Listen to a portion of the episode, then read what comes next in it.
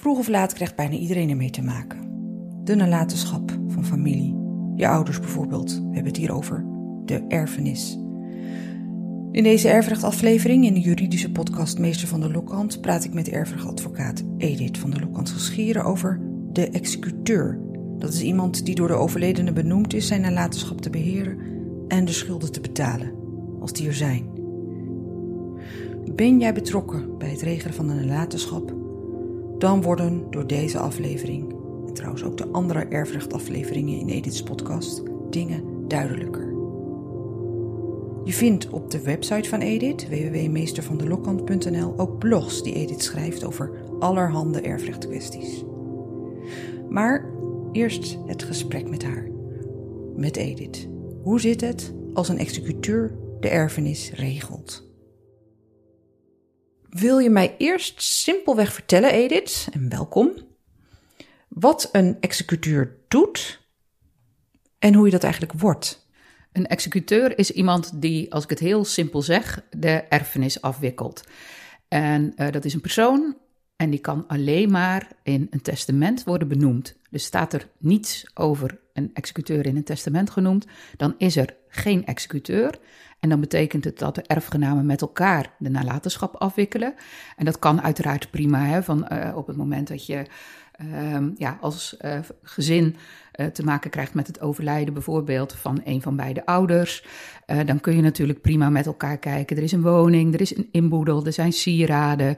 Nou, stel dat je uh, met twee zusjes dat met elkaar moet verdelen, ja, dan ga je met elkaar kijken. De woning zal verkocht moeten worden. Laten we kijken wat is er aan sieraden, wie zou er wat graag willen. En hetzelfde doe je met de inboedel. Dat hoeft allemaal niet zo ingewikkeld te zijn.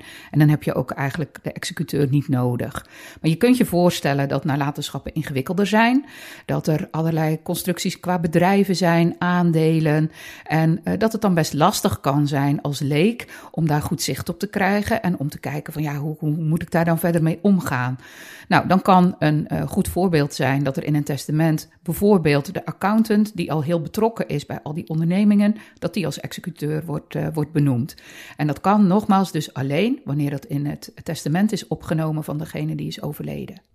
Uh, en als dat er niet in staat, dan moet je het als familie met elkaar regelen. Hoewel het mij dan niet echt voor de hand lijkt liggen dat als je toch een testament op laat maken, dat daar niet in staat wie de executeur is. Bij ingewikkelde nalatenschappen, um, en op het moment dat je bij de notaris komt, hè, dat je die nodig hebt om dat testament op te stellen, dan zal een notaris die mogelijkheid met je bespreken. Die zal aangeven van, joh, is het in jullie situatie niet handig om iemand uh, tot executeur te benoemen? En het hoeft niet alleen te gaan om ingewikkelde nalatenschappen. Wat ook kan, is dat uh, ja, bijvoorbeeld een, een deel van de erfgenamen in het buitenland uh, woont dan kan het lastig zijn om uh, als erfgenamen allemaal bij elkaar te komen in Nederland om een aantal zaken uh, af te wikkelen. Dan uh, kan het ook goed zijn om een van de erfgenamen tot executeur te laten benoemen. Je hebt op het moment dat dat niet in een testament geregeld is, ook nog wel de mogelijkheid om dan een volmacht te tekenen en een van de erfgenamen als gevolmachtigde te laten optreden voor jou. Dus dat kan ook. Maar bij ingewikkeldere nalatenschappen ja, zal ongetwijfeld de notaris je wijzen op die mogelijkheid. Moet je als executeur toestemming uh, geven om als executeur aangewezen te worden? Uh, nee, je kan plotseling geconfronteerd worden met het feit dat je in een nalatenschap tot executeur bent benoemd. Um, dat kan. En dat kan dus een verrassing zijn. Um, maar gelukkig uh, hoef je dat niet te accepteren. Je kan zeggen van, nou ja, in deze uh, nalatenschap, uh, ik, ik ben daar echt niet de persoon voor. Of ik weet dat erfgenamen wat moeilijk tegenover elkaar staan. En dan vind ik heel lastig om daar als executeur goed mee om te gaan. Ik weet dat ik in een testament benoemd ben. Dat weet ik nu, omdat het testament openbaar gemaakt is. Maar ik, ik wil dat absoluut niet. Um, nou, dan aanvaard je je functie niet als executeur en dan ben je dat dus ook niet. Oké, dus uh, dat komt voor. Lijkt mij een, een, een, verrassende situatie dat je zonder het te weten uh, leest of hoort, je bent tot executeur uh, benoemd. Maar komt dus echt wel regelmatig voor. Het komt zeker voor. Ja, de vraag is of het handig is hè, om iemand te benoemen tot executeur. zonder daar toch bij die persoon een balletje bij op te gooien. Het mag, het mag. Als dat jouw laatste wil is, dan mag je dat zonder meer opnemen. ja, ik had een tijdje geleden een testament waarin geen executeur was benoemd. En waarbij later bij aanvullend testament um, de boekhouder benoemd werd tot executeur. En op het moment dat uh, de persoon uh, die overleed, uh, ja, dat het testament werd geopenbaard, gaf die boekhouder aan van ja, sorry, maar dat ga ik echt niet doen. En ja, als je dan terugredeneert, is dat natuurlijk een beetje zonde geweest van de kosten van dat tweede testament. Op het moment dat dan degene die als executeur benoemd is, bij dat aanvullende testament zegt van nee, dat doe ik niet. Ja, dan had je je die moeite kunnen besparen. Of uh, beter nog, denk ik, iemand anders in het testament uh, kunnen benoemen. Dat was beter geweest. Ik begrijp dus uit jouw woorden dat een executeur niet per se een familielid hoeft te zijn, maar is dat zelfs vaker iemand uh, buiten de familie? Wat voor soorten executeurs heb je en, en uh, ja, welke personen kunnen dat zijn of zijn dat? Eh, dat, dat verschilt. Het kan uh, zonder meer iemand vanuit de uh, familie zijn. Uh, nou ja, bij het voorbeeld wat ik net zei, hè, wanneer een deel van de erfgenamen in het buitenland woont, kan het heel praktisch zijn dat een van de erfgenamen executeur wordt. En op de een of andere manier is het ook wel een grappig verschijnsel. Zie je vaak in families toch personen boven komen drijven die daar goed in zijn. Dat is vaak ook bekend binnen een familie van ja, dat is uh, de regelneef, zeg maar. Nou, die, kom je, uh, die kun je tegenkomen als executeur in een testament. Uh, je kunt de accountant, wat ik net zei, bij wat ingewikkeldere nalatenschappen kun je tegenkomen als executeur. En je hebt ook mensen die echt professioneel executeur zijn en die dus vaker met het bijltje hakken vanuit echt hun professie. Um, ja, en dat, dat zie je natuurlijk dan wel met nog wat ingewikkelder constructies, ook met bezittingen in het buitenland, dat je dan echt een, uh, ja, een professional uh, daarbij benoemt. De executeurs, heb ik gelezen, die kan je onderscheiden in categorieën. En die categorieën die zijn gemarkeerd met sterren. De 1, 2 en 3 sterren executeur. Kun je daar wat meer over vertellen, die sterren? Ja, de sterren, dat spreekt uiteraard tot de verbeelding. Um, ze staan niet in de wet, de sterren, maar wel de bevoegdheden die een executeur heeft, want daar hebben we het dan over. Um, en dat kan de uh, executeur met één ster zijn. Die mag, en zo staat het dan ook omschreven in, uh, in het testament, die mag um, alleen uh, de uitvaart regelen. Dus dan staat er in het testament opgenomen dat bijvoorbeeld een van de kinderen tot executeur wordt benoemd om de uitvaart te regelen. Die ster kom je dus niet tegen, maar wel de omschrijving van wat die executeur mag doen. En de eerste ster is alleen de uitvaart regelen. Dan heb je de tweede ster. Um, de omschrijving daarvan is dat de executeur de nalatenschap uh, mag beheren. Dus echt als een goed huisvader zorgen voor die uh, nalatenschap. En daarnaast ook alle schulden voldoen. Nou, dan hou je, als het goed is, hou je een plus over. Uh, die mag de twee sterren-executeur dan niet gaan verdelen. Dat moeten de erfgenamen vervolgens met elkaar doen. Heb je een drie sterren-executeur, uh, dan geldt dat die ook mag verdelen. Die mag ook echt, en dat is dan in de functie van uh, afwikkelingsbewindvoerder, die mag ook echt tot verdeling overgaan. Dus als we de sterren bekijken, dan heb je de executeur die alleen de, nalaten, of de uitvaart mag regelen. Je hebt er een die wikkelt de uh, nalatenschap af puur het financiële, totdat er oneerbiedig gezegd een zak met geld overblijft. En je hebt die drie sterren executeur die die zak geld ook nog mag verdelen over de erfgenamen, in de zin van drie erfgenamen, ieder voor een derde. Nou, dan mag hij het geldbedrag echt op die manier ook verdelen en uitkeren. -hmm. En, uh, wanneer kom je zo'n drie sterren executeur tegen, die eigenlijk alle bevoegdheden heeft, vraag ik me af? Ja, de, gedachte daarachter is toch wel een beetje dat je bang bent als uh, um, ja, degene die het testament opstelt, dat daar misschien oneenigheid over komt met de erfgenamen. En dat je dan zegt van nou, ik heb iemand die, uh, die ik dit wil toevertrouwen en dan ook echt ja, all the way. Um, zodat de erfgenamen eigenlijk alleen maar hebben te volgen in uh, wat de executeur uh, voorstelt. Waarbij, en dat is wel zo, de executeur kan niet zomaar zijn gang gaan. Die moet wel rekening en verantwoording afleggen naar de erfgenamen toe. Van nou, wat heb ik gedaan? Waarom heb ik dat gedaan? En kijk, hier kun je ook controleren dat ik dat gedaan heb. En zijn dat vaak de professionele executeurs, die drie sterren executeurs? Ja, dat kan zeker. Uh, en dat zie je natuurlijk ook bij ingewikkeldere nalatenschappen. Dat het dan uh, alle bevoegdheden, uh, dat zie je vaak wel terugkomen bij, bij de professionals, ja. Je kunt ehm, wat Edith hierover vertelt ook nog teruglezen op haar blog. Dus ook het onderscheid tussen die 1, 2 en 3 sterren executeurs. Op haar website www.meestervandelokant.nl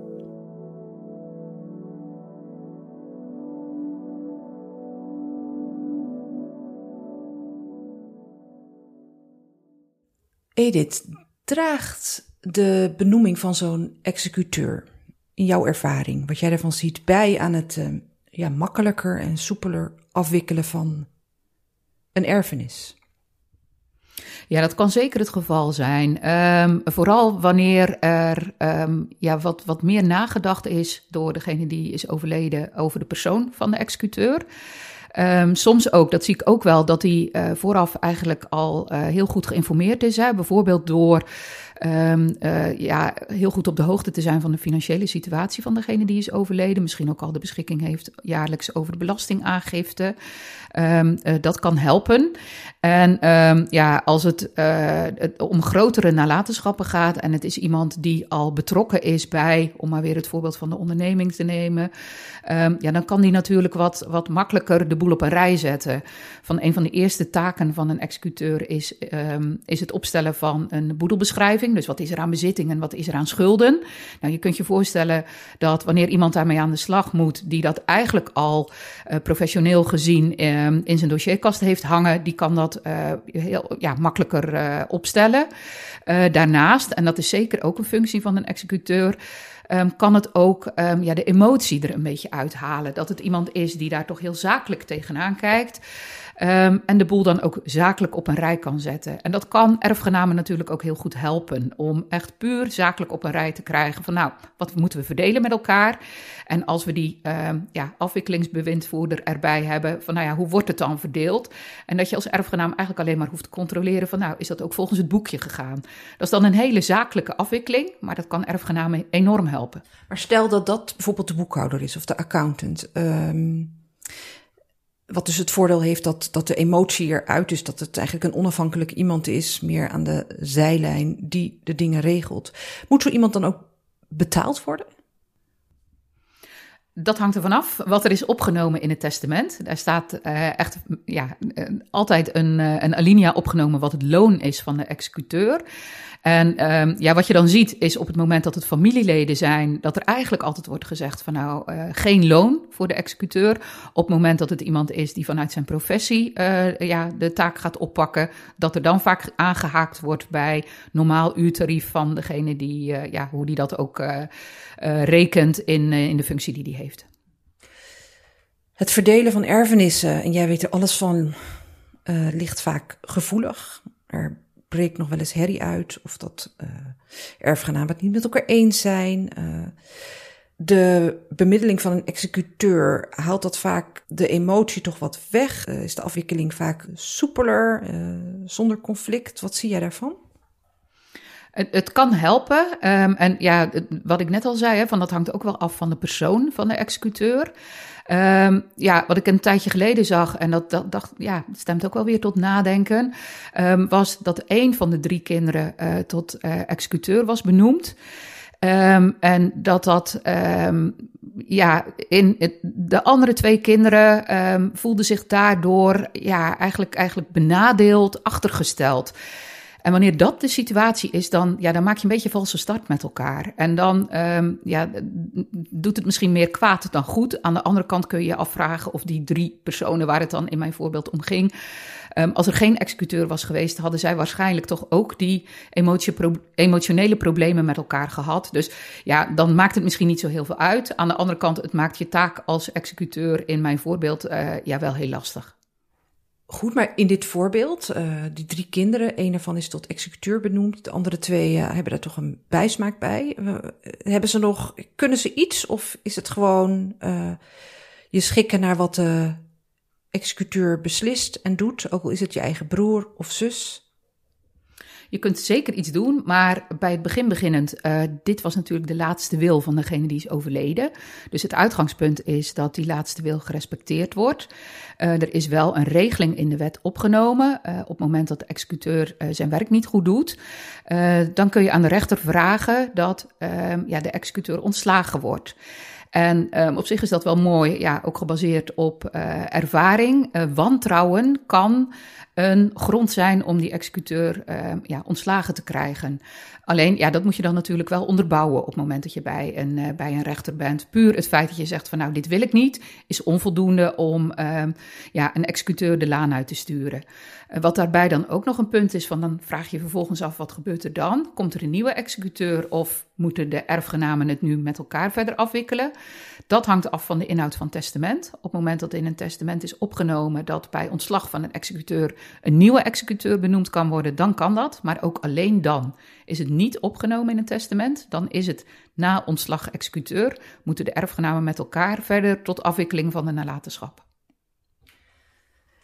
Tot slot, uh, Edith. Uh, ik wil deze aflevering samen met jou eigenlijk niet in mineur eindigen.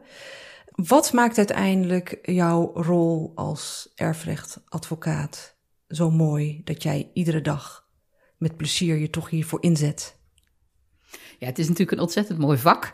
Um, ik denk een combinatie. Uh, de wet zit eigenlijk wel heel mooi in elkaar. Dat je ziet van nou, er is echt over nagedacht. En situaties die zich voordoen uh, bij de afwikkeling van een nalatenschap. Uh, daar zijn een, ja, een hoop oplossingen voor. die ik als bagage in mijn rugzak heb. Um, daarnaast is het menselijke aspect, zeker na een overlijden, is natuurlijk ook een, een groot ding.